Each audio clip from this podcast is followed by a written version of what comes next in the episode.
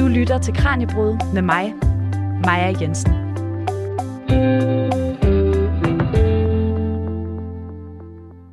Vores historie er fyldt med ondskab. Krige, forbrydere, diktatorer og mange andre onde mennesker præger både fortiden og nutiden. Men hvor kommer ondskaben fra? Er det noget, der ligger latent i os alle, eller er nogle mennesker født særligt onde? Det er noget af det, du kan blive klogere på i dag, når vi sender live om ondskab. Og hvis du, der lytter med, vil byde ind med spørgsmål undervejs, så kan du sende dem her ind via sms. Skriv R4, lav et mellemrum og skriv dit spørgsmål, og send det så afsted til 1424. Mit navn er Maja Jensen. Velkommen til Kranjebrød.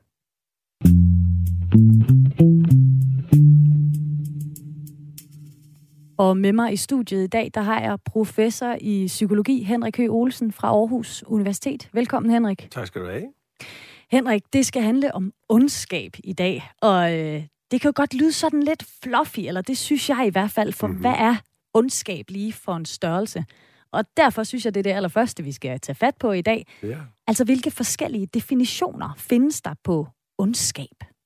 Jamen, det er jo et, et lidt underligt begreb, kan man sige, i en videnskabssammenhæng i hvert fald, ikke? Fordi man tænker jo på ondskab måske som noget religiøst og som noget etisk defineret og sådan noget, og, og kan vi gå ind sådan fra et videnskabeligt hold og kigge på adfærd, som vi så er parat til at, at stemple som, som ondskab? Altså, hvis nu vi starter med nogle af de første, en af sådan de mest udbredte definitioner, du kan sige, vi har inden for i hvert fald den psykologiske videnskab, også lidt sociologien, men, men psykologien i særdeleshed, så må man sige, at ondskab, det er den bevidste hensigt, uprovokeret og ville skade andre, udelukkende af egen lyst til at gøre det. Så det er ikke sådan noget med, at nogen har gjort os et eller andet, og så kommer vi i et eller andet hævn-mode, hvor vi så gengælder, hvad de har gjort. Nej, det her, det er uprovokeret. Det er en bevidst hensigt, som sådan set ikke tjener. Den har ikke nogen udløsende faktor. Der er ikke nogen, der har gjort noget ved mig. Ikke ham, jeg gør, eller hende, jeg gør. Det onde ved i hvert fald. Men jeg gør det ikke desto mindre alligevel, fordi at det på en eller anden måde er lystfyldt for mig. Så du kan sige, at jeg bruger det her andet menneske som et objekt, for et begær, som jeg har, hvor det er lystfyldt og tilfredsstillende og rart på en selvfølgelig noget bagvendt måde og mærkelig måde. Ikke? Ja. Men det er rart at tilføje det her andet menneske noget, som jeg ved, at det vil blive ked af, og som jeg ved, at vil gøre det ondt.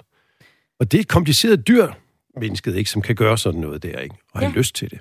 Ja, fordi at det er noget særligt menneskeligt at være ond, eller ja. udvise ondskab. Ja, i den forstand her, det, den der udspekulerede ondskab, altså, det, det at være ond kræver jo paradoxalt nok, kan du sige, en indsigt i den anden, den som man er ond imod. For jeg skal jo vide, hvorfor nogle knapper jeg skal trykke på, for for alvor at ramme dig.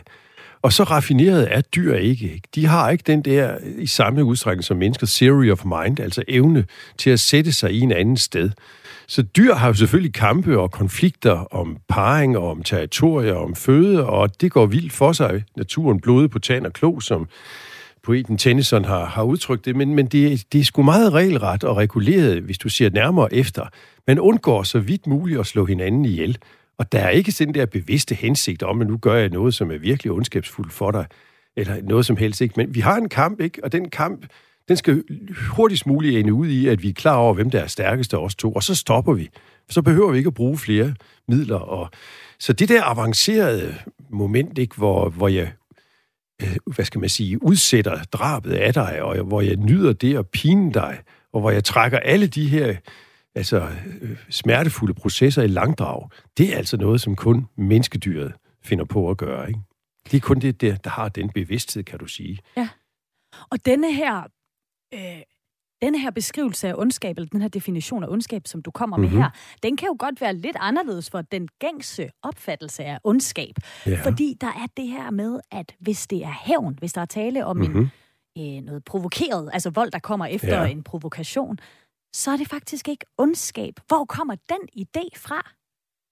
Jamen, det har jo noget at gøre med, at, at vi på en eller anden måde, både i retsvæsenet og i almindelig menneskelig omgang, øh, der accepterer vi, at, at hvis nogen udfordrer os og provokerer os og piner og plager os og skubber til os osv., at så, så vil der mange gange kunne risikere at komme en reaktion, at vi gengælder det for simpelthen, og, og det opfatter vi som selvforsvar. Når ikke det er provokeret, kan du sige, altså øh, når ikke jeg har gjort noget for det, men, men det rammer mig pludselig det her, ikke? at jeg så tager til, øh, til genmæle, eller eller gør et eller andet, som, som forsøger at få dig til at stoppe med det, du gør. Ikke? Det accepterer vi som, som selvforsvar. Ikke? Og der siger vi sådan set, at der er den individ, der er ikke ondt i, i, det der, i den der udgave af det. Så kan du selvfølgelig sige, altså går vi ind i nogle lange blodfejder mellem forskellige stammer eller forskellige klaner, hvor folk sådan i overvis har, har slået hinandens medlemmer ihjel og sådan noget jamen så, så går der jo nok også noget ondskab ind i gengældelsesmekanismen, ikke? Fordi så skylder vi, så har vi så meget had på kontoen, kan du sige.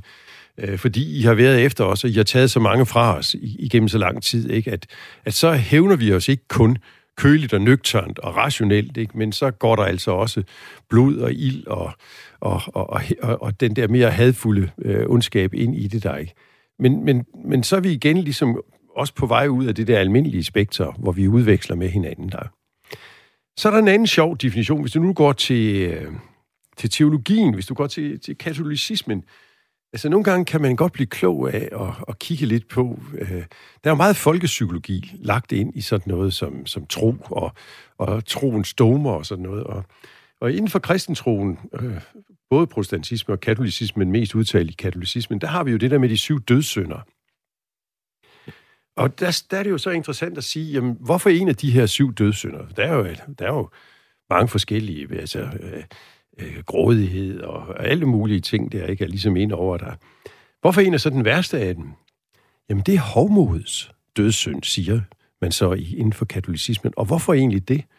Jo, fordi når vi, kommer, når vi havner i hovmod, så indser vi simpelthen ikke alle de andre ondskaber, som vi begår. Så er vi ligesom hævet over det og øh, og gøre det.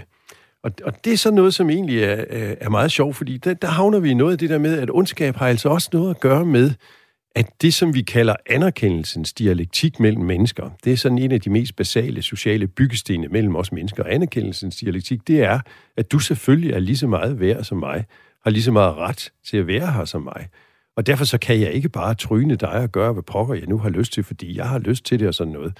Men i hovmodet, så ved jeg jo bedre end dig, så har jeg hævet mig højt over dig, så er vi ikke længere lige, og så er det, gør jeg det her med dig, fordi du skulle ikke bedre være, eller du skulle da også for dum. Du kan ikke engang selv se, hvad der er bedst for dig, og sådan noget. Ikke? Og så handler jeg på dine vegne, ikke også? Ikke? Fordi jeg er nu engang den klogeste. Og det er der, du... Altså, der er mange hovmodige mennesker, som i deres egen selvforståelse sådan set tror, at det her, det er jo sådan set til alles bedste. Det kan de andre bare ikke se, og så videre, ikke?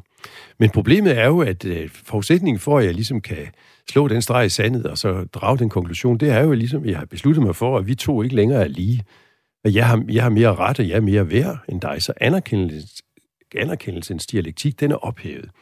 Og derfor også, hvis du ser på, øh, igen, hvis vi går til de der kristne øh, domer og, og, og, og tankeforestillinger, ikke? hvem er Satan? Hvem er Mephistopheles, ikke? djævlen osv.? Jamen, øh, han, er jo, han har jo mange navne, men, men det er jo ikke sådan, hvis vi går til, til skrifterne, at så, så har vi Gud, og vi har Jesus, og de vil de lyse og de gode og sådan noget der, ikke? Og så har vi den, den onde satan, eller Lucifer, ikke? Og han vil alt det, det modsatte. Det vil han sådan set ikke i udgangspunktet. Hans problem er, at han vil være den højeste lig. Så han er en falden lysengel, kan du sige. Han vil ikke bare være på niveau med de andre engle, men han vil sådan set være lig vor herre. Så, så det der er, satans dødssynd i virkeligheden, det er jo hovmod. Ja. Det er igen det der med, at nu har jeg sat mig over de andre af dig. Og det er når det sker, at så er der altså pludselig åbnet for, at det onde, det kan udspringe imellem mennesker. Ja, så man kan se hovmodet som sådan det ondes, altså roden til ja, alt ondt, faktisk. det kan du godt. Ja. Men hvis vi nu vender det om, mm-hmm. Henrik, fordi nu sagde du, at det her med ondskab og udvise ondskab, det er noget særligt menneskeligt. Det er ikke noget, vi har til fælles med andre dyr, fordi de ikke på den her måde er onde uden mm. øh, altså at være provokeret til det, kan man sige. Og der er de ikke engang onde, der gengælder de og forsvarer sig, du ja. ved. Men hvad så med at være øh, særligt gode? Altså, mm-hmm. er det så også noget særligt menneskeligt, eller findes det hos alle dyr? Ja, altså, øh, sociale dyr, for, altså i, i første omgang, så må vi sige, at sociale dyr er selvfølgelig i kamp og konkurrence med hinanden. Men der er også selekteret for en hel masse omsorg, en hel masse samarbejde, en hel masse solidaritet, kan man sige. Det har også kunne betale sig at udstyre. Så du kan sagtens se, at dyr kan dele, og du kan sagtens se, at dyr kan hjælpe hinanden. Ikke bare vores nærmeste primatslægtninge, men, men også andre dyr. Og, og du kan se, at, øh, at, at der er reciprocitet, altså noget for noget, altså også i positiv forstand. Hvis du har hjulpet mig, og hvis du har delt med mig, så deler jeg med dig. Så ikke kun i øje for øje og tand for tand forstand, men bestemt også på den anden måde. Og det kan du finde de, de, de mærkeligste steder i verden. Du kan gå til spermacetvaler, og du vil se, at de øh, praktiserer turntaking, og de praktiserer reciprok babysitting. Ikke? Altså, de forsvarer andres unger, mens de selv er nede.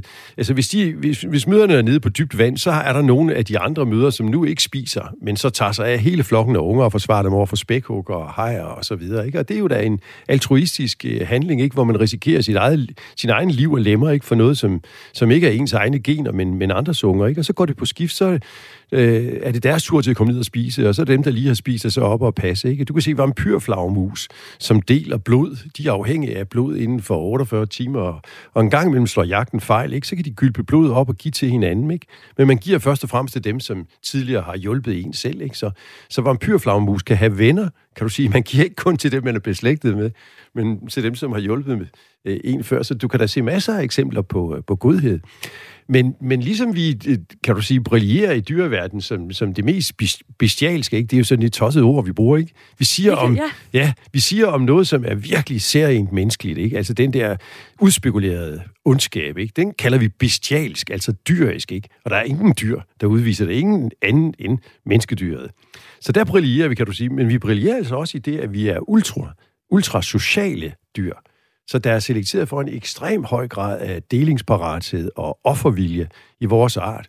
Og derfor ser du mærkelige, heroiske ting, ikke? Altså, du, altså, du ser, når vi er i krig, ikke? så offrer vi os for hinanden, ikke? Altså, kaster os på håndgranaten, ikke? Og redder de andre i, i kompaniet, og, og gør virkelig heroiske ting, ikke? Altså, for hinanden. Du ser, at vi deler i udtalt grad med hinanden, ikke? Det ville være mærkeligt, hvis vi stod tre mennesker sammen, og jeg tog en eller anden pastil op i lommen, og jeg så ikke bød jer og sådan noget. Ikke? Så vi har en meget sådan proaktiv delingsform. Altså, vi, vi må give for at få. Det er sådan et af de basale principper i menneskeværet, og vi må starte med at give, ikke? Så det er sådan nogle virkelig sociale grundformer, hvor vi også der topper den øvrige dyreverden, ikke? Så vi, vi, vi er under, kan du sige, end, end de andre dyr, og vi er på, på mange måder også mere altruistiske, ja. mere selvopoffrende det er ret sjovt, at du nævner det her med det dyriske, og hvor mærkeligt det egentlig er. Mm. Fordi at øh, det næste spørgsmål, jeg godt kunne tænke dig, jeg tænkte mig at stille dig, det havde jeg egentlig først tænkt, at jeg ville sige, jamen det her med ondskab, når du siger, at det er noget særligt menneskeligt, er det så noget, der ligger i os alle sammen? Og så er det vores fornuft, der holder det her dyriske instinkt nede. Det er så ikke et dyrisk instinkt. Men, men er det noget, som vores fornuft holder nede, fordi jeg godt inderst inden ved, det er upraktisk, hvis jeg gør mig uvenner med, med dig, fordi nu står vi og har et, et interview her? Ja. Altså, det er jo et rigtig godt spørgsmål. Og det er også et lidt svært spørgsmål. Fordi der er jo ingen tvivl om, at øh, altså det, det onde kommer let ind af bagdøren for os alle sammen. Øh, altså, vi opdager sådan set ikke, vi er i gang med det nogle gange. Ikke? Fordi vi, vi, vi ser jo sjældent, når vi er havnet i hovmod. Altså, for det første. Og for det andet, så, så sker der jo tit det, at det onde kommer ind, mens jeg er optaget af at gøre det gode, ikke? som jeg mener er det bedste for alle. Og så er der bare de her idioter, som ikke forstår, og nu må jeg flytte dem, ikke? Og, og, og ellers så er jeg nogle gange, så kommer det jo det gode ind af bagdøren, mens jeg, Øh, eller det onde ind af bagdøren, mens jeg er i færd med at, at, at følge ordre til en autoritet, ikke? og hvor det gode jo også er at lystre, ikke? Socialt hierarkiske dyr, vi er jo sat til uh, i systemer, sociale systemer af hierarkier sammen med hinanden, ikke? Og, og har ligesom respekt for en legitim autoritet, ikke? Og der kan vi nogle gange komme ind i sådan noget med, at fordi at det ikke er mig, der finder på det, men jeg bliver bedt om at gøre det, så bliver det, det gode pludselig at gøre det, jeg har fået besked på, ikke? Og så kan jeg ud af den tangent pludselig komme til at, at gøre noget, som er ondt, ikke? Som når vi, vi, vi ser, at, at, at folk pludselig bliver øh, øh i stand til at bygge gaskammer, bliver i stand til at producere cyklon B, øh, og bliver i sidste instans også i stand til at udrydde en, en, en hel etnisk befolkningsgruppe jøderne under 2. verdenskrig, eller 6 millioner af dem i hvert fald, ikke? Og det er jo ikke sådan, den enkelte deltager i det her morkompleks, ikke? opfatter jo sådan set ikke sig selv som ond, men er en lille brik i en større ondskab, ikke? Og der har vi så nogle folk, ikke, som, som følger øh, autoritetens ordre, ikke? Og gør, øh, producerer det her cyklon B, ikke? Og bygger de her øh, badevær, baderum, som samtidig er gas, øh, og bygger de her ovne, som de skal brændes i, og alle de der ting, der ikke. Ja. Så der kommer det jo snigende ind af bagdøren, ikke? Og når det så er sagt, så vil jeg så sige, der findes nogle af os, som simpelthen fra naturens side af er dysfunktionelle organismer, ikke? Altså, som, som simpelthen er nogle skadede dyr, og det kan vi være blevet som følge af nogle udviklingsmæssige ting, der, der er indtrådt, ikke? men det kan også være noget, som ligger i vores natur, sådan set, at vi er dysfunktionelle fra starten af. Så jeg tror ikke, vi alle kan blive lystfyldte bødler, men vi kan alle komme til at gå for langt i det at lystre en autoritet, ikke? Og noget af det der skal vi også ind på lidt senere. Men jeg vil lige give en opfordring til dig, der lytter med. Hvis du også har et spørgsmål om ondskab, så skal du bare sende dem ind til os, så svarer dagens gæst, Henrik Høgh Olesen, på dem. Skriv R4 efterfulgt af et mellemrum og dit spørgsmål i en sms, og send den afsted til 1424. Du lytter til Radio 4, og det er altså Kranjebrud, vi er i gang med, som i dag sender live om det meget opløftende fredagsemne, ondskab. Yeah. Og øh, derfor har jeg besøg i studiet af ja, Henrik Høgh Olesen, der er professor i psykologi på Aarhus Universitet. Og Henrik, nu har vi talt om, hvordan man på forskellige måder har defineret ondskab, og hvordan den her psykologiske definition er på ja, onde handlinger. Øh, men er der nogle bestemte personlighedstræk, man kan kæde sammen med ondskaben? Ja, det, sådan kan man også godt se på det. Ikke? Altså, det, forskellige adfærdsformer hænger jo lidt sammen med også bestemte personlighedstræk. Og træk er jo sådan de der lidt mere, mere varige dispositioner, ikke, som, som vi mennesker vi udviser. Og der har vi et sæt af træk, som han har kaldt den sorte triade. Altså nogle mørke træk, kan du sige, som har det med at hænge sammen. Og det er trækket for psykopati, og det er trækket for egoisme, og så er det trækket for noget, som man kalder machiavellisme efter den øh, renaissancefilosof Machiavelli, ikke, som, som skrev Fyrsten, og som har sådan meget nøje studeret øh, alle de måder, vi kan manipulere med hinanden på for at få magt og indflydelse. Så et machiavellisk individ, med, øh, som scorer højt på sådan et, øh, et træk, er en person, som er meget manipulatorisk, og virkelig forstår at læse andre med det formål, og ja, manipulere dem ikke, for at få det, som han, hun vil have det. Ja. Og øh, jeg kan se, at øh, min kollega, som jeg har med i studiet, Tine Brink, hun øh, vifter med armene, og det er fordi, at der er kommet nogle spørgsmål fra lytterne. Tine, vil du læse, læse op? Vi har fået et spørgsmål fra Martin, der siger, Hej Kranjebrud, super spændende program. Ondskab er et emne, jeg tænker over fra tid til anden, og hvad det egentlig betyder, og om det overhovedet eksisterer. Mit spørgsmål er, er ondskab ikke defineret ud fra dem, man kigger på det? Altså forstå mig ret, Altså et barn, der mobber, er ondt set fra den mobbende pårørende, men fra sin side af kan personen blive set som stærk og sjov ved at hakke ned på andre. Jo, men der, der er jo ingen tvivl om, at, at øh, der er nogle klare perspektiviske momenter i det her, og, og det er jo, som vi snakkede om før, så er det jo de færreste gange, at øh, den, som vi andre synes begår en ond handling, måske selv synes, at jeg gør det af ondskab. Jeg gør det fordi det er retfærdigt, fordi du fortjener det, fordi hvad skulle jeg ellers gøre? Så det bliver jo rationaliseret inden i den enkelte. Men os, der står uden for handlingen, vil jo alligevel være nødsaget til en gang imellem, at enten som, som sociale individer i flokken, eller som instanser i et retsvæsen, så bliver vi jo nødt til at tage stilling til, at det her bevidst overlagt gjort for egen vindings skyld og for at skade andre, er det nøje planlagt osv. Vi bliver nødt til at tage gå ind og ligesom at prøve på at vurdere, hvad der ligesom er sket her, og hvorvidt det har været hensigt at gøre det intentionelt og så videre der, ikke? Og det straffer vi jo hår, hårdere, når, når det ligesom er forsætligt og intentionelt. Du havde til forsæt at skade den anden. Du planlagde det i lang tid. Så der går vi jo ligesom ind og ser på ikke bare adfærden, men også på motiverne. Det bliver vi jo nødt til at gøre, når vi står udenfor. Og det har vi jo også gjort i stammesamfundet, som vi er, er rundet af.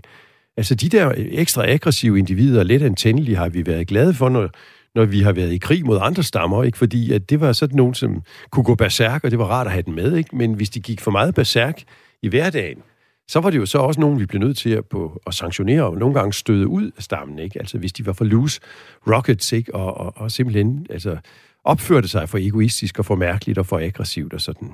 Så, så du kan sige, at den, den, den der begår det onde, vil, vil 9 ud af 10 gange opleve, at der er en gyldig grund til at gøre det. Og så er der den der the odd one, som vi snakkede om, den dysfunktionelle organisme, ikke? For der findes jo nogle særlige typer, der er ikke fantastisk mange af dem, men, men om, øh, omkring 1% af, af, af den her jords mennesker ikke, ser ud til at have sådan en mere sadistisk, psykopatisk tilgang til omverdenen. Ikke? Og der vil du altså kunne finde individer, for hvem det her det er simpelthen lystfyldt. Og jeg, jeg går uden at jeg er provokeret, og uden nogen nødvendigvis har gjort mig noget, så går jeg ud udelukkende for at finde et individ, som jeg kan pine, ikke? fordi øh, det er altså ufatteligt tilfredsstillende for mig, hvis jeg har den her dysfunktion, ikke? og pine et andet menneske. Ikke?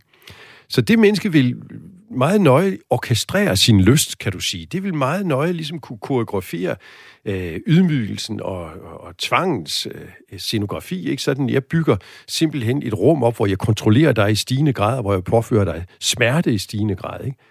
Og, og, og jeg bliver højere og højere og får det mere og mere og mere velløst, jo mere det lykkes mig at få skabt det her sceneri. Ikke? Så sådan en person, kan du sige, vil godt acceptere, at, at, at andre sikkert kalder vedkommende ond, ikke? Fordi, men han har igen i så meget hovmod, fordi hvis du, ser, hvis du snakker med dem bagefter, så siger de, jamen herreste Gud, altså, altså hvem var det her væsen, ikke? Det var der ikke nogen, der betød noget, altså. Så det er heller ikke et væsen, som jeg behøver at tænke nærmere over, ikke? Så jeg brugte det her væsen til at tilfredsstille et, et behov, som jeg havde, og det var lystfyldt, så længe det varede. Og da det var overstået, så skænkede jeg ikke det væsentlige tanke. Det er ligesom hvis jeg tager en kop kaffe af et plastikkrus. Ikke? Kruset tjener det formål, ikke? at det skal rumme kaffen, og når kaffen den er drukket, ikke? så skider jeg på kruset, krøller det sammen og smider det væk. Ikke? Det er bare et krus. Ja.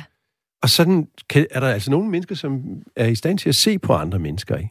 Altså for sådan en, en, en, en position, hvor anerkendelsesdialektik fuldstændig er ophævet. Ikke? Altså det er jo bare et, ligegyldigt menneske, ikke? så det har jeg da lov til at bruge, som, som jeg har lyst. Ikke? Så nogle få af os øh, er bevidst onde, og vil sådan set også godt vedgå det, ikke fordi jeg gør da bare det her, fordi jeg har lyst til at gøre det, ikke? og du er ikke bedre værd. Men de fleste af os, det er nok korrekt, som, som læseren skriver. Ikke? Vi opfatter jo sådan set, at vi er i færd med et eller andet, som vi forsøger at rationalisere som retfærdigt ikke? og meningsfuldt. Ikke? Så vi, har ikke, øh, vi ser ikke os selv som onde, mens vi gør det. For vi har grunde til at gøre det, vil vi mene. Tine, er der et øh, spørgsmål mere, inden vi skal videre? Men vi har faktisk fået en øh, kommentar, øh, som det kan være, at du også vil kommentere på, Henrik. Der er en af lytterne, der siger, meget få mennesker er onde, utrolig få mennesker er, er onde med vilje, men vi handler til tid ondt, og her er krig det værste eksempel. Mennesker kan gå i krig og slå hinanden ihjel på kommando og på stribe, men det, det er ikke ondt, men handlingen er ond. Mm-hmm. Hvad tænker du om det, Henrik, i forhold til den her definition? Jo, jeg synes, det, jeg, jeg synes, det er et langt stykke af vejen, så øh, tror jeg, vi trækker på ud af samme tangent, øh, fordi soldaten er jo ikke ond, og, og noget af det sværeste for en flok nye rekrutter, som skal i krig, det er sådan set for officererne at få dem til at skyde, altså for at, at, at få dem til at, at lukke øjnene op og se på en fjende, og rent faktisk prøve at ramme vedkommende, ikke? fordi de fleste soldater fortæller om, at de mange gange simpelthen bare lukker øjnene, og så skyder i, i blinde, ikke? altså fordi de de ønsker det ikke i første omgang, men det er jo en, en del af gamet. Og derfor er det første offer i enhver krig jo også altid sandheden, kan man sige. Ikke? Fordi det er ikke nemt for os mennesker, øh, for de fleste af os i hvert fald, øh, er det bestemt ikke nemt at slå ihjel. Og det er en, et alvorligt tabu over, øh, en alvorlig grænse og tabuoverskridelse.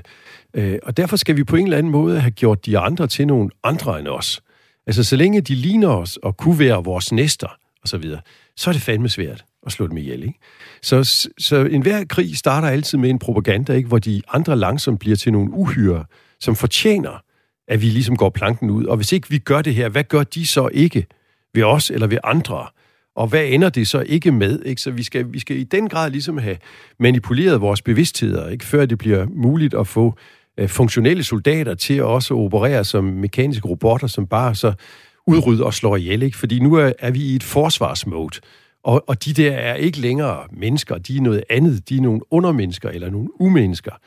Og derfor har vi sådan set ret til at gøre det, ikke? Så der bringer vi os kollektivt i en tilstand af hybris, kan du sige. En tilstand af hovmod, ikke? Hvor, hvor vi har ret, fordi vi ved sådan set bedre, vi er sådan set renere, sandere, bedre og ærligere mennesker end dem der, som vi nu er i krig mod. Og, og derfor har vi lov til at gøre, som vi gør. For ellers så kommer det onde til magten, ikke? Det er jo ligesom hele den eventyrfortælling, som vi, en, en, en, en hver nation ligesom havner i, ikke? når vi er i en krig. Ja. Lidt i forlængelse af det, du taler om her. Hvad så med sådan en som Putin? Vil man kalde ham ond? Der er jo ikke nogen provokation ville mm-hmm. vi sige. Ja. Men det ville han nok. Ja, det ville han til hver en tid. Altså, det, det, det er en meget kompleks spil, det her, ikke? Og Vesten har bestemt også sine alvorlige blinde pletter, hvad det her spil det angår, ikke? Og vi oplever ham som aggressiv, han oplever os som aggressiv. Øh, da Berlinmuren faldt, øh, og der lød ligesom en, øh, kom en aftale mellem Øst og Vest om, at nu skulle de trække alle deres styrker tilbage af det, der var øh, den tidligere Østblok og så videre, ikke? så lovede de at gøre det mod, at, at NATO så heller ikke vil rykke videre frem. Og for ham at se, har NATO jo rykket uendeligt, ikke? Øh, og står sådan set lige på hans dørtærskel, ikke? Sådan vil han jo læse det, ikke? Så han, han manipulerer jo øh, informationerne, så det ser ud som om, det for ham er en forsvarskrig, ikke? Og det er jo heller ikke fuldstændig forkert, ikke? Altså det, der er problematisk, er, at den Berlinmur, den faldt jo, ja, for 30 år siden, ikke? Øh, og, og, og så sker der jo det, at de lande i, i den historie, der er derefter, ligesom bliver selvstændige lande, ikke? Og så har de jo lov til at være medlem af NATO, hvis det er det, de vil. Ikke? Altså, sådan synes vi jo i den demokratiske del af verden, ikke? At, at det er jo ikke noget, vi sådan set... Vi kan, det er jo heller ikke sådan, at vi nødvendigvis har stået og inviteret, ikke? men de har jo selv søgt, og så har vi set en interesse i at gøre det. Ikke? Og pludselig føler han sig så omrammet, øh, eller omringet, ikke? fordi det, der tidligere var det russiske imperium, med sådan i, i, i sovjetudgaven af det, ikke? Altså, altså det er nu blevet nogle lande, ikke, som er med i NATO, eller søger om optagelse i NATO, ikke? eller vil allieres med EU på forskellige måder, der ikke? og så føler han sig presset. Ikke? Så, så han oplever sig jo som en, en øh, heroisk øh, så, øh, øh, russisk soldat, kan du sige, ikke? som står vagt ved Ruslands grænser, og vi andre oplever ham som en irriterende aggressor, ikke? som fører geopolitik, ikke? og og har en meget primitiv verdensbillede, ikke? fordi vi har sådan set vendet os til vores eget primitive verdensbillede, ikke? Altså, hvor, hvad vi blander os i rundt omkring på kloden, ikke? Og, og jeg føler, I vores gode ret til at blande os i, ikke? Øh, fordi vi er jo de gode og de rene og, og ved det bedste og sådan noget der, ikke? Så vi kommer jo også virkelig langt i retning af at, at overskride, hvad andre har grænser, ikke? Så det er lidt mudret, når man skal, når man skal bedømme en person som værende øh, ond, i, ja. i hvert fald i denne her... Øh... Han er ikke klassisk ond. Nej. Altså, det, det, det, ikke, ikke i den forstand. Altså, han kan rationalisere, hvad han gør og sådan ja. noget der. Ikke? Altså, nu hæver jeg lige øh, oddsene, ja. Henrik. Hvad ja. så med Hitler? Ja, jamen Hitler ville ikke opleve sig selv som ond. Øh, han var i færd også igen med at, at hævne en uretfærdighed, som begået, blev begået imod hele tysk, den tyske nation, ikke? og af, af forskellige øh, andre magter, ikke? også øh, under Første Verdenskrig, Versailles-traktaten og alle de der ting. Det er han i færd med. Han er i færd med at give tyskerne plads i verden. Ikke? Sådan vil han jo rationalisere det. At han så er, er, er havnet i en ideologi, som, hvor kan man sige, øh, kollektivt inviterer til hybris, ikke? Fordi nu kommer vi til at operere med, at vi er nogle særlige mennesker, den ariske race, som er renere og bedre, og kulturens højdepunkt på alle måder. Ikke? Og så, så bliver det igen øh, fuldstændig ligegyldigt, hvordan de lande, vi invaderer, hvis det er undermennesker, som ikke tilhører vores race, hvis det er slaver og andre undermennesker, ikke? eller jøder eller noget, jamen så er det jo øh, hip som har, hvad der sker med dem, det kommer ikke os ved, ikke? fordi det tæller simpelthen ikke i det her regnskab. Ikke? Så han er jo ude i en, en, en sådan en, en erobringssituation, øh, hvor, hvor han som til at, rationalisere, hvad der sker i starten, oplever det som et forsvarsting. Ikke? Og så har han et ideologi, som giver ham ret til at, at gøre de der ting. Hvis du går ind i personen Hitler, så er han så kompleks, mærkelig, underlig. Han er jo også vegetar. Han rører aldrig spiritus, ikke? Han ryger ikke, og så videre, ikke? Han hader jægere, som skyder øh, dyr. Han synes, det er helt øh, absurd og sådan noget der, ikke? Altså, der er så meget, ikke, hvor, hvor han ligesom, og på ingen måde er de der sadistiske, bloddrøbende uhyre. Han vil øh, allerhelst undgå øh, konflikter og sådan noget. Han, kan, han råber og skriger, vil ikke modsige sig sådan noget, ikke? Men, men er jo sådan en, der, der ikke selv ligesom, altså, er særlig sådan aggressivt udfarende. Der, der er han sådan egentlig lidt mere en, en kylling, han er egentlig lidt mere lidt skræmt i en række situationer, og har folk til at gøre det beskidt og arbejde for sig, og vil helst heller ikke helt direkte sige til dem, hvad de skal. De skal helst ligge lidt i luften, hvad, det, hvad der skal ske og sådan noget. Han vil helst heller ikke høre om det i, i detaljer og sådan noget. Han har ikke brug for at komme ud og se koncentrationslejrene, og hvad der foregår. Allerhelst vil han vende ryggen til det. Allerhelst vil han have den her herrefolkskrig øh, overstået, så han kan komme til at beskæftige sig med det, der virkelig interesserer ham. Og det er kunst og arkitektur og, og bygge byer og, og lave kæmpe imperier, ikke, som kan stå tusind år efter, og han er død, ikke, og vidne om, hvor stor en kultur, som, som Tyskland var. Ikke? Så han er jo et meget paradoxalt menneske. Ikke?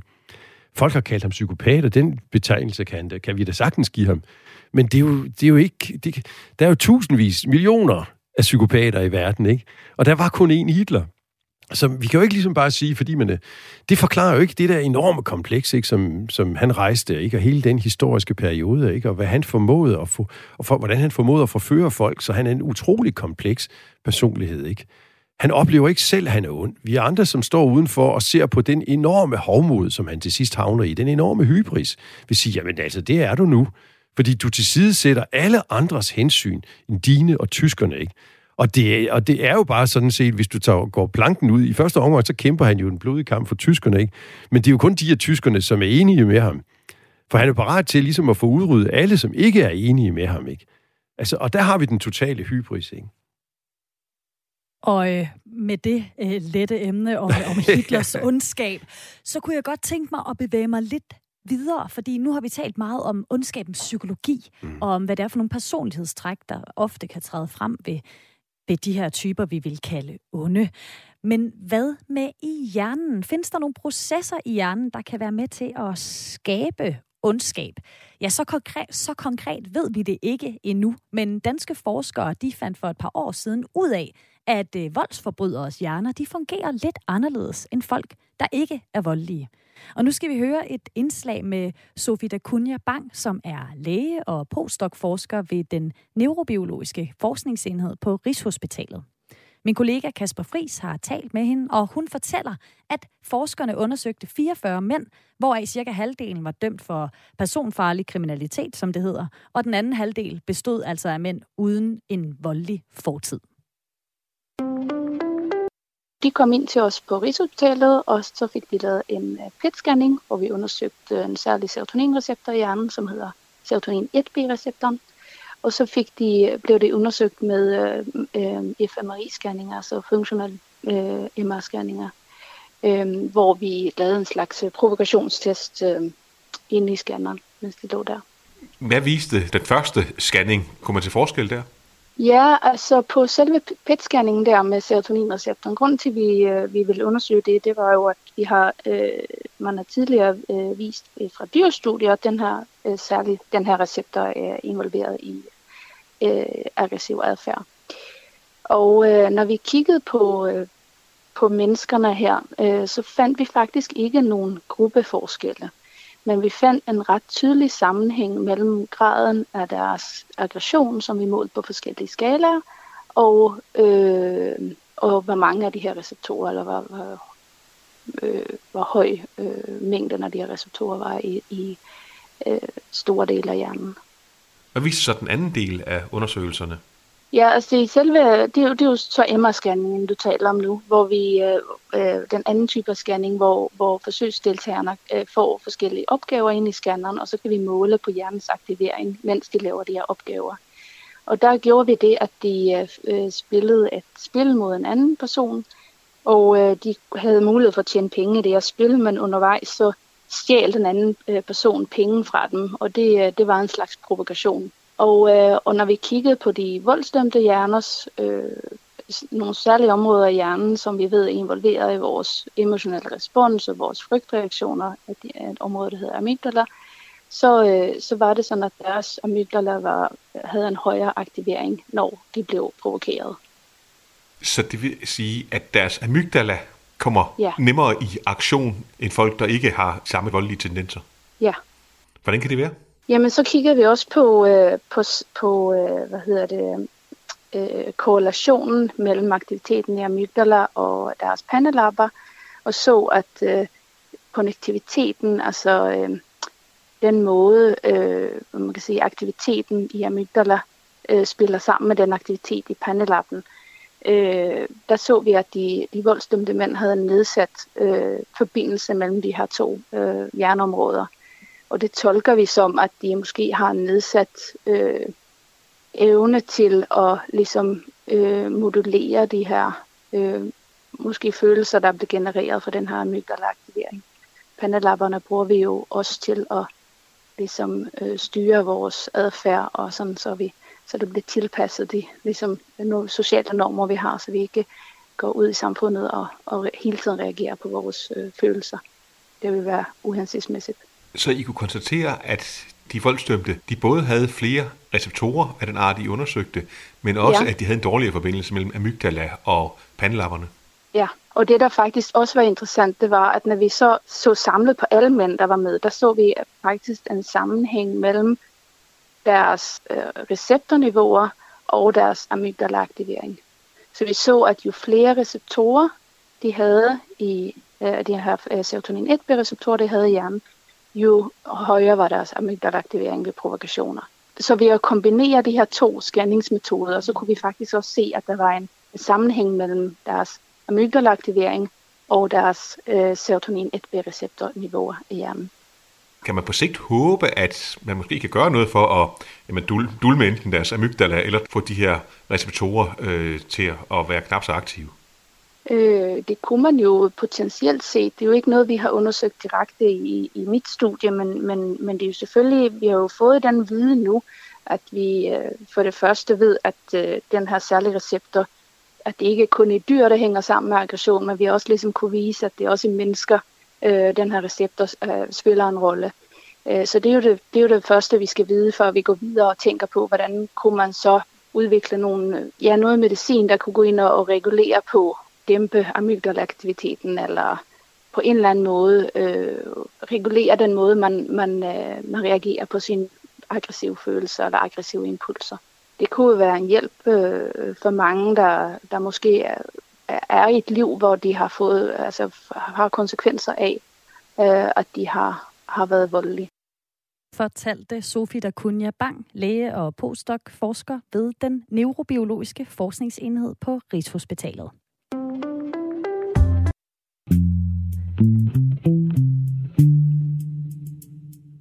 Jeg har lidt øh, fumlefinger på min øh, lille lydpult herovre i dag. Men Henrik Høolesen, hvad tænker du om det, øh, Sofie hun fortalte her, om hvordan at man rent faktisk kan se, kan se en forskel på, hvordan hjernen fungerer for voldsforbrydere, og så folk, der ikke mm. har sådan en, en, nogle voldelige tendenser? Ja, det er nu meget spændende. Øh, det er en meget spændende forskning, og der, den bekræfter jo, hvad vi også ved andre steder fra i Amerika og så videre, ikke? at hvis du tager øh, meget sådan øh, voldsdømte psykopater og ser på deres hjerner og, og, og sammenligner dem med andre, så er de altså anderledes. De er anderledes også på den måde, der, at der er, der er meget mere aktivitet nede i øh, hjernens belønningscentre. Når de, når du ligesom øh, stiller dem over for en fristelse, ikke, så er de meget mere fristede, end andre mennesker er. Og samtidig er der meget ringere forbindelse mellem de her belønningscentre omkring det, man kalder den mediale striatum, og sådan nogle områder der, eller øh, nucleus accumbens, og sådan nogle, nogle nu behøver vi ikke blive alt for teknisk. der er, der er altså nogle bestemte hjerneområder, ikke, som har med belønningsadfærd at gøre. Så ser vi, der, der er meget lidt forbindelse mellem de her. Der er, meget, altså der, der er tryk på, øh, der er damp på, øh, på kedlerne nede i det her område, ikke? så de bliver meget let fristet, og meget hurtigt fristet. Og så er der meget få forbindelseslinjer op til frontallapperne. Og det er der, hvor vi ligesom har overblik og selvkontrol og viljestyring og sådan nogle ting. Ikke? Så de bliver meget let fristet og har meget svært ved at se konsekvenserne af den her fristelse. Ikke? Og derfor havner de i den der impulsive øh, behovstilfredsstillelsesadfærd, som karakteriserer de her loose rockets. Ikke? Altså, at de gør hele tiden, hvad de har lyst til at gøre, og så, og så skider de på andre, så at sige. Ikke? Og, vi, og, og du kan simpelthen se, at hjernen ser anderledes ud. Du kan også se, hvis du laver nogle andre empati-eksperimenter øh, med dem, så kan du også se, at hvis du beder dem forestille sig nogle meget pinefulde situationer, som de selv er, er udsatte for. De ser simpelthen nogle, nogle billeder af nogle folk, som bliver tortureret, udsat for nogle ubehagelige ting, og så bliver de bedt om at forestille sig, at det er dem selv, øh, som bliver udsat for det her. Ikke? Så kan du se, så er alle de sædvanlige øh, centre lyser ligesom op i hjernen, som ved almindelige mennesker. Ikke? De kan sagtens... Øh, der er der empati nok til at sige, puha, det, det var sørme ikke rart, det der. Ikke? Problemet er så, hvis du viser de samme film, og så beder dem forestille sig, at det er noget, som de udfører ved andre mennesker, altså ikke noget, der rammer dem selv, men noget, som andre mennesker udsættes for, ja, så går hjernens belønningscentre sørme i gang, ikke? Altså, så bliver det pludselig lystfyldt. Og det er jo der, du har med en dysfunktionel organisme at gøre, ikke? Fordi de fleste af os, når vi ser, at folk de er udsat for noget pinefuldt, jamen så får vi sgu da ondt af dem. altså, det, det er ubehageligt for os at se på det. Vi kan sætte os i deres sko, ikke? Og vi ønsker, at det skal, det skal stoppe. Og nogle få af os, øh, jamen der sker der så noget helt paradoxalt, ikke? at hjernens belønningscentre pludselig går i gang, så at det bliver lystfyldt at følge med i det her, eller hvad den, der, der udsætter dem for det, der ikke. Og det er jo, altså der har vi med, altså dysfunktionelle organismer, så det vil noget at gøre. Det kan du simpelthen se i hjernen, ikke? Der er, der er hjerneområder, som, som vi normale mennesker ikke er aktive under den her slags omstændigheder, som nu aktiveres, ikke? Hos man, de her psykopater, ja. ja. Så man kan virkelig se den her ja. sammenhæng igen mellem lyst ja. og ondskab, som du ja. også talte om helt i starten af, ja. af programmet. Men Henrik, noget af det, som undrer mig øh, rigtig meget, det er det her med, hvorfor findes ondskaben stadig? Og med far for at lyde lidt øh, yeah. naiv, så kan det bare undre mig, at, den, at ondskab stadig har gode kår i dag. Altså, det må næsten være fordi, der, at det kan betale sig på en eller anden måde at være mm. ond eller udvise ondskab en gang imellem. Ja, altså, det er ikke noget, du nogensinde slipper af med. Det er en del af det menneskelige adfærdsberedskab. Ikke? Og som sagt, de fleste gange vil vi ikke selv opleve os som onde, når vi gør noget men andre vil måske se på os sådan der. Ikke? Så skal du også tænke på nogle af de, de træk, som vi talte om tidligere, dem vi talte om som øh, the dark, den, den mørke triade, øh, psykopati og egoisme og machiavellisme. Jamen, i en moderat udgave af de her træk, altså hvor vi ikke er helt derude, hvor vi er blevet psykopater osv., men det er altså den rem af huden, som vi, som vi har, de kan jo godt være funktionelle et langt stykke af vejen, og, vi, og der kan vi jo så også lave nogle undersøgelser, hvis vi går ind i bestemte miljøer, så vil du kunne se, at mange topledere og inden for både private og offentlige institutioner, og også inden for politiske partier, altså faktisk scorer meget højere end gennemsnittet på de her sorte træk. Ikke? Så det der at være manipulatorisk, det at være egoistisk, det at kunne ligesom se lidt stort på, hvad andre, hvordan andre de har det, ikke? fordi nu er det altså nu er det os og dem, som jeg, hvis interesse jeg skal fremme, som det handler om. Altså at være lidt kynisk og være en, en lidt egoistisk spiller i det felt, hvor vi kæmper om magten. Jamen det kan jo godt betale sig et stykke af vejen, ikke?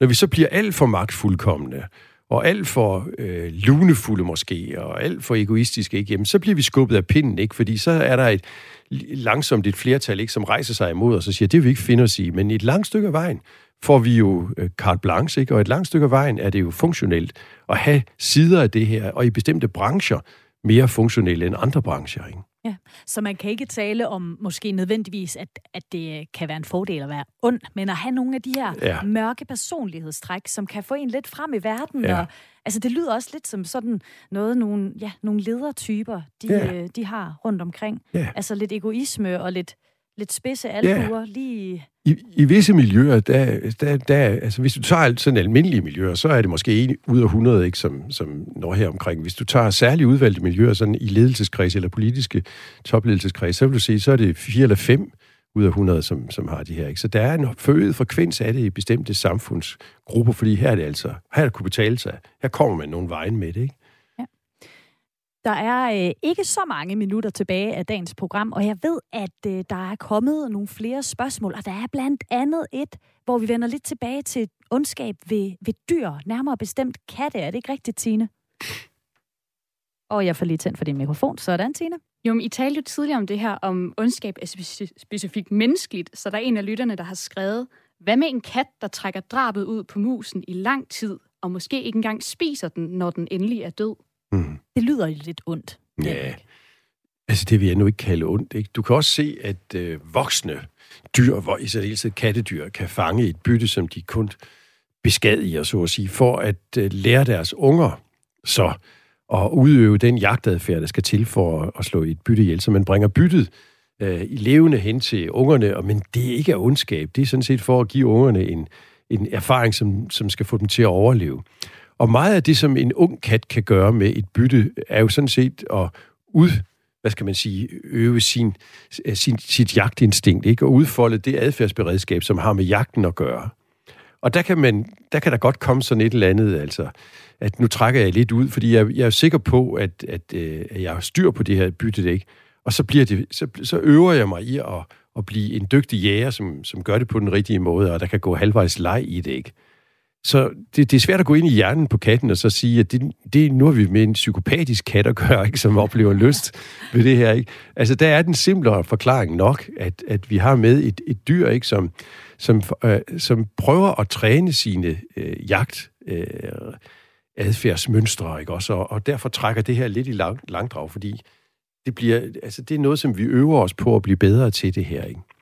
Og som sagt kan du se, at de også bringer det hen, så når ungerne kan lære det, men det, der kan man så mere direkte se, at det er jo ikke så fordi, at, at dyret synes, at, at, at der er en eller anden pervers lyst forbundet med at se, at det her at dyr pinsler forlænget, ikke? Men, men her er der altså en mening med, at, at, at ungerne bliver bedre jæger, hvis de, hvis de lærer det her, ikke?